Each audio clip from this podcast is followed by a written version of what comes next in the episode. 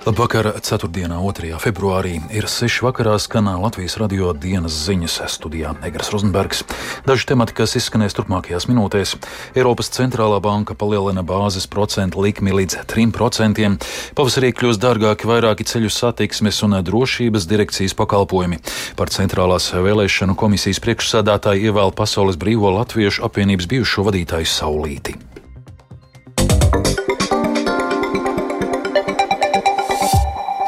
Eiropas centrālā banka turpina paaugstināt procentu likmes. Galvenā bāzes procentu likme paaugstināta par 0,5% punktiem līdz 3%. Likmes paaugstinās arī turpmāk, liecina bankas padomjas paziņojums.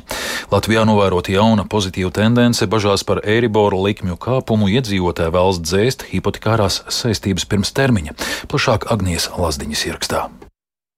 Pieaugot eiriboru procentu likmei, pieaug arī kredītņēmēju uztraukums, jo palielināsies viņu ikmēneša maksājumi. Nu, protams, banka piedāvājot informē, nu, ka tas var mainīties. Es par to, ja tā godīgi diezgan maz domāju. Un tagad, kad sāka celties, tad es sāku saprast, ka, nu, jā, tas būtiski var ietekmēt to atmaksas apjomu. Ar šādu stāstu dalījās sieviete, kurai šobrīd ir hipotekārais kredīts. Viņa atceras, laikā, kad to ņēma, Eiribor likme bija 0%, un, lai gan tad daudz par to nedomāja, tik un tā papildus veidoja arī naudas uzkrājumu.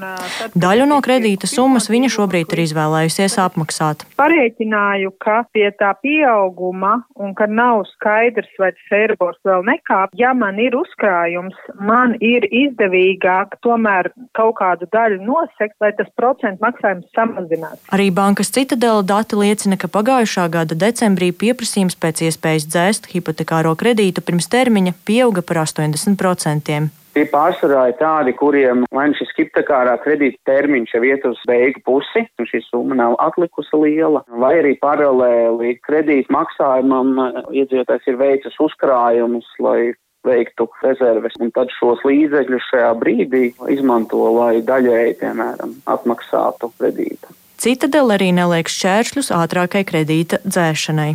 Svetbanka pārstāvis Jānis Krops uzsver, ka, lai gan atsevišķi gadījumi ir, tomēr tā nav kopējā tendence. Pagājušā gada beigās varbūt bija tāds neliels kritums tādā ziņā, ka cilvēki, acīm redzami, izvēlējās drusku nogaidīt, saprast, cik reāli tā Eribor ietekme būs. Atkal no otras puses, ko mēs nevaram arī noliekt, ir daļa sabiedrības, kas izvēlās nebīties no tā Eribor tā iemesla dēļ, ka vienkārši beidzot viņi to savu īsto mājokli ir atraduši, loģiski viņi grib arī iegādāties. Līdzīgi iztekās arī Lumināra bankas mājokļu kreditēšanas vadītāja vadītājs Kaspars Sausais. Pirmstermiņa saistību dzēšana ir process, ko diezgan bieži klienti izmanto regulāri, neatkarīgi no ārējiem apstākļiem, bet pašreizajā situācijā mēs neesam novērojuši palielinātu interesi. Parasti hipotekāro kredītu izvēlas cilvēki, kas ir ar stabilu darbu un pietiekamu atalgojumu vecumā no 30 līdz 35 gadiem.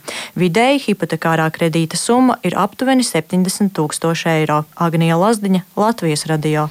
Iespējas lausta līgumus ar pārvadātājiem, kas iesaistīti pasažieru pārvadājumu kartelī šodien meklēs satiksmes ministrs Jānis Vitsenbergs no Nacionālās apvienības kopā ar konkurences padomes iepirkumu uzraudzības biroja, tieslietu un finanšu ministriju, kā arī autotransportam direkcijas pārstāvjiem. Konkurences padome par aizliegtu vienošanos reģionālās nozīmes pasažieru pārvadājumos janvāra sākumā piemēroja gandrīz 2 miljonu eiro naudas sodu trim reģionālajiem pasažieru pārvadātājiem - Liepais autobusu parks Nordeka un Latvijas sabiedriskais autobus. Kartelī apsūdzētie savu vainu neatzīst atzīst un varētu lēmumu pārsūdzēt. Satiksmes ministrs Latvijas radio atzina, ka situācija ir sarežģīta. Autotransporta direkcija runās ar pārējiem komersantiem par to, kuri būtu gatavi uzņemties, ja šie līgumi būtu lausti un šo zonu pārvadājumus. ATD arī ar Tieslietu ministriju kopā strādās pie e, šī risinājuma, analizējot tos noslēgtos līgumus, vai ir pamats, jā, jo tas, tas, kas izskanēja, ka iepriekšējā šī publisko iepirkuma likuma redakcija, kāda bija spēkā, nu, ir bijusi, es teiktu, nepietiekama, ja, vai nepilnīga, lai šajā situācijā varētu droši laust līgumu ar eh, komersantiem, nu, tad te ir vajadzīgs eh, juridisks izvērtējums no malas, ko autotransporta direkcija arī ir pasūtījusi. Tā kā es teiktu, ka pietiekami sarežģīts eh, process, kurā ir nepieciešama visu pušu iesaist, tādēļ arī šodien viņi tiks augt pie galda. Man nav informācijas, ka šie komersanti būtu gatavi piekāpties, un ir bijusi publiska informācija par to, ka viņi noteikti pārsūdzēs konkurences padomu lēmumu, un tas, ko konkurences padoma arī atzīst, ka tieslietu ministrija, tad tas rada zināms problēmas, ja, jo tā varētu būt juridiska interpretācija, vai ir iespējams līgums nolaust pirms tiesas lēmumu un pie esošās tās vēsturiskā publiskā iepirkuma likuma konstrukcijas. Tas satiksmes ministrs Jānis Vitenbergs no Nacionālās apvienības. Pavasarī kļūs dārgāk vairāk ceļu satiksmes un drošības direkcijas pakalpojumi. No tiem vislielākais pieaugums vairāk nekā 12 reizes maksāja par transporta līdzekļu tirzniecības vietas reģistrāciju. Cik plaši makus vajadzēs vērt vaļā autovadītājiem un kā izmaiņas vērtēs satiksmes eksperts, vairāk Viktora Demidova ierakstā.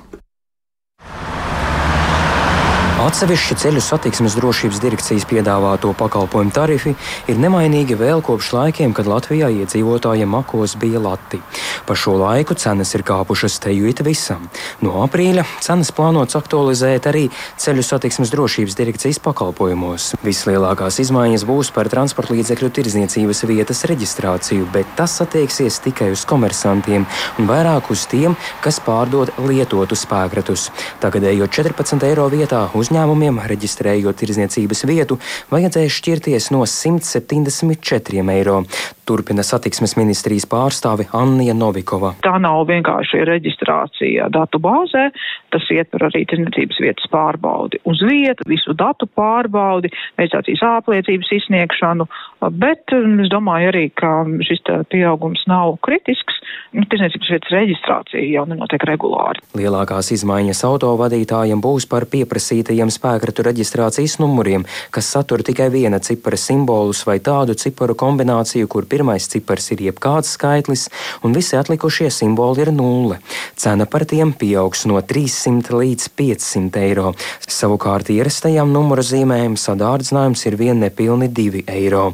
Tehniskās apskates cena būs vienkāršota. Turpmāk spēkratus vairs neparedz dalīt pa degvielas veidiem, bet gan pa transporta līdzekļu kategorijām, un šis pakalpojums pieaugs vidēji par 10%, kas ir daži eiro.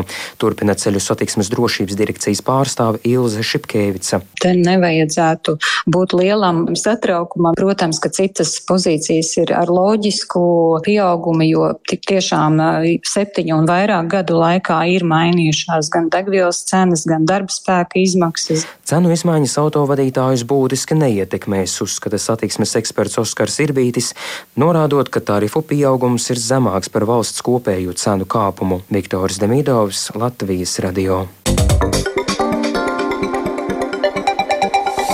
Eiropas Savienība plāno līdz 24. februārim piemērot Krievijai jaunas sankcijas. Tā vizītē Kīvā paziņojusi Eiropas komisijas prezidente Urzula Fonderlēna. Eiropas Savienība ar saviem G7 partneriem noteikšot papildu cenu griestus Krievijas naftas produktiem. Eiropas komisijas prezidente arī uzslavējusi Ukrainas centienus cīņā ar korupciju. Saistībā ar korupcijas izmeklēšanu Ukrainas varas iestādes šundeļa veikušas kratīšanas, bet iepriekš no amatiem atstādinātas vairākas amatpersonas aizdomās par piesavināšanos. Turpin turpina Lēna. I'm comforted to see that your anti-corruption bodies are on alert. Esmu gandarīta redzot, ka jūsu korupcijas apkarošanas struktūras ir modras un efektīvas korupcijas gadījumu atklāšanā. Izsaku jums arī atzinību par tik ātru reakciju politiskā līmenī, lai pārliecinātos par to, ka cīņa pret korupciju sniedz taustāmus rezultātus un arī tiek vēl vairāk pastiprināta.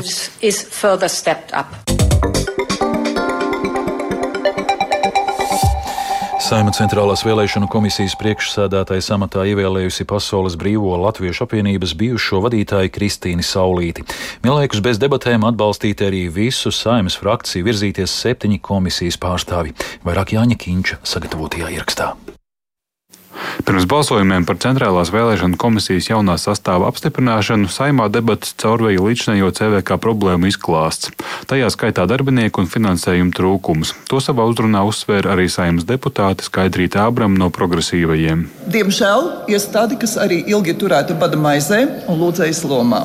Iestāde zaudē profesionāļus, savus jomas entuziastus, kuri strādājuši pārslodzes režīmā, nereikinot darba stundas par niecīgu samaksu. Saimai noteikti jāuzņemas atbildība ne tikai par apstiprināšanu, bet arī par to, lai Centrālā vēlēšana komisija spētu darboties neatkarīgi un efektīva, jo runa ir par iestādi, kas e, mums nodrošina vienu no demokrātijas būtiskākajām izpausmēm. CVK vadībai izraudzītā Kristīna Saulīta ilgstoši dzīvojusi Austrālijā. Viņai ir pieredze vadošos amatos vairākos privātos uzņēmumos, taču nav prakses valsts pārvaldē.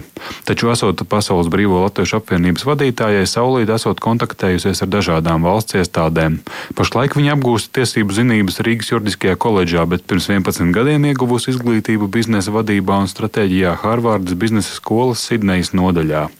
Vairāki deputāti gan norādīja, ka Saulīt ir vienīgā kandidāta uz šo amatu un novēlēja saglabāt viņai politisko neutralitāti.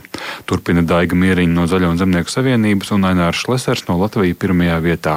Vai Saulīts kundze būs tik spējīga dažu mēnešu laikā iepazīties un aptvert visas tās problēmas, kas ir nepieciešamas, un lai arī nodrošinātu jau tuvumā esošās Eiropas parlamenta vēlēšanas? Jūs koalīcija virza, bet jūs nedrīkstat būt koalīcijas vadītāji centrālā vēlēšana komisijā. Jums jānodrošina tā, lai visa sabiedrība zina, ka centrālā vēlēšana komisija ir neatkarīga institūcija un neviens, ne premjers, ne prezidents, neviens nevar piezvanīt un iejaukties jūsu darbā. Debatēs gan maz piedalījās koalīcijas pārstāvji, tajā skaitā par gatavību uzlabot CVK finansējumu situāciju.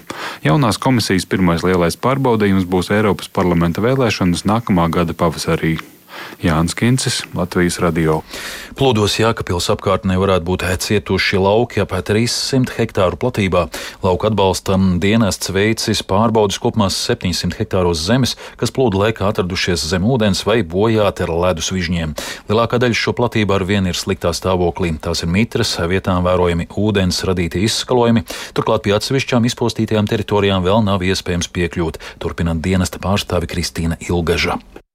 Izmantojot dronus, mēs varējām secināt, ir, ka šobrīd cietuši varētu būt ne vairāk kā 300 hektāri pagrūti vēl tā precīzi pateikt to konkrēto hektāru skaitu, jo nav aktīvais veģetācijas periods ziemājiem. Ātri vien vietām atkal radās šī sniega sēga, un līdz ar to mums ir jāgaida pavasaris. Tad būs pilnībā redzams, cik daudz no šiem platībām ir neatgriezeniski cietušas. Ja šāds atbalsts tiks paredzēts, tad, protams, arī lauka atbalsta dienests darīs visu iespējamo, lai ļoti precīzi sniegtu informāciju, un tie saimnieki, kuri cieta plūdos, saņemtu šo kompensāciju.